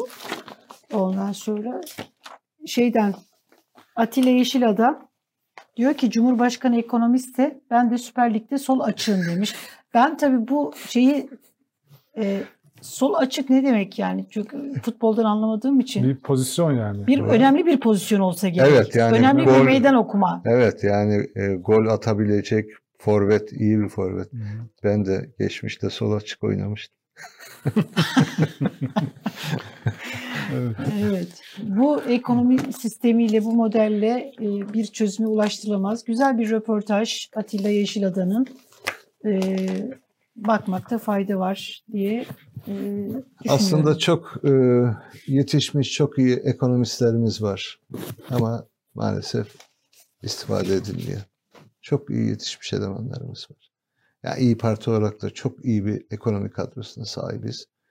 E, Türkiye'deki ekonomik bunalımın, ekonomik e, problemlerin e, çözümü var ve inşallah seçimden sonra biz bunu kısa süre içerisinde evet toparlayacağız. Evet. Yarın da bir konumuz Evet. var. Onu da istersen tam şimdi duyurabilirsin. Tam şimdi duyuralım. Çünkü çok e, önemli bir isim İyi Parti'ye katıldı. Bilge Yılmaz. Evet.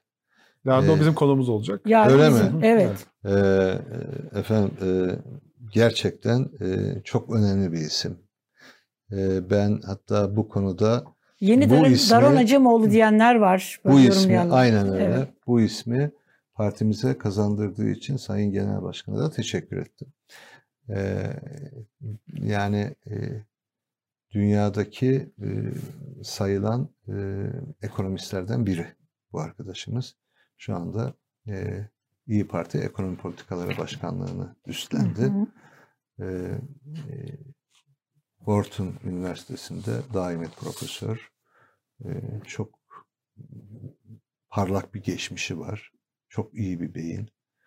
Ee, Türkiye e, siyasetin ötesinde e, bu insanlardan istifade etmesi lazım. Ee, Bilgi Hoca gibi, Ümit Özdağ'le gibi, Yani onu da konuk ettik. ee, evet o da çok önemli bir isim. Harvard'da derse ders Evet. veren bir isimdir o da. O da Kalkınma Politikaları Başkanımız bizim. Ee, Erhan Usta gibi Devlet Hı. Planlama Teşkilatı kaynaklı çok değerli bir arkadaşımız. Ee, yani partinin ötesinde Türkiye'nin bunlardan istifade etmesi lazım. Ülkemizin istifade etmesi lazım. Ee, bu beyinler kolay yetişmiyor. Evet. Çok Evet. teşekkürler. Sağ olun. Ben teşekkür ederim. Çok teşekkür ediyoruz. Sağ Çok olun. sağ olun. Sağ olun. Evet, bugün programımızın sonuna geldik. Bizden bugünlük bu kadar. Yarın e, aynı saatte e, karşınızda olacağız. Görüşünceye kadar kendinize iyi bakınız.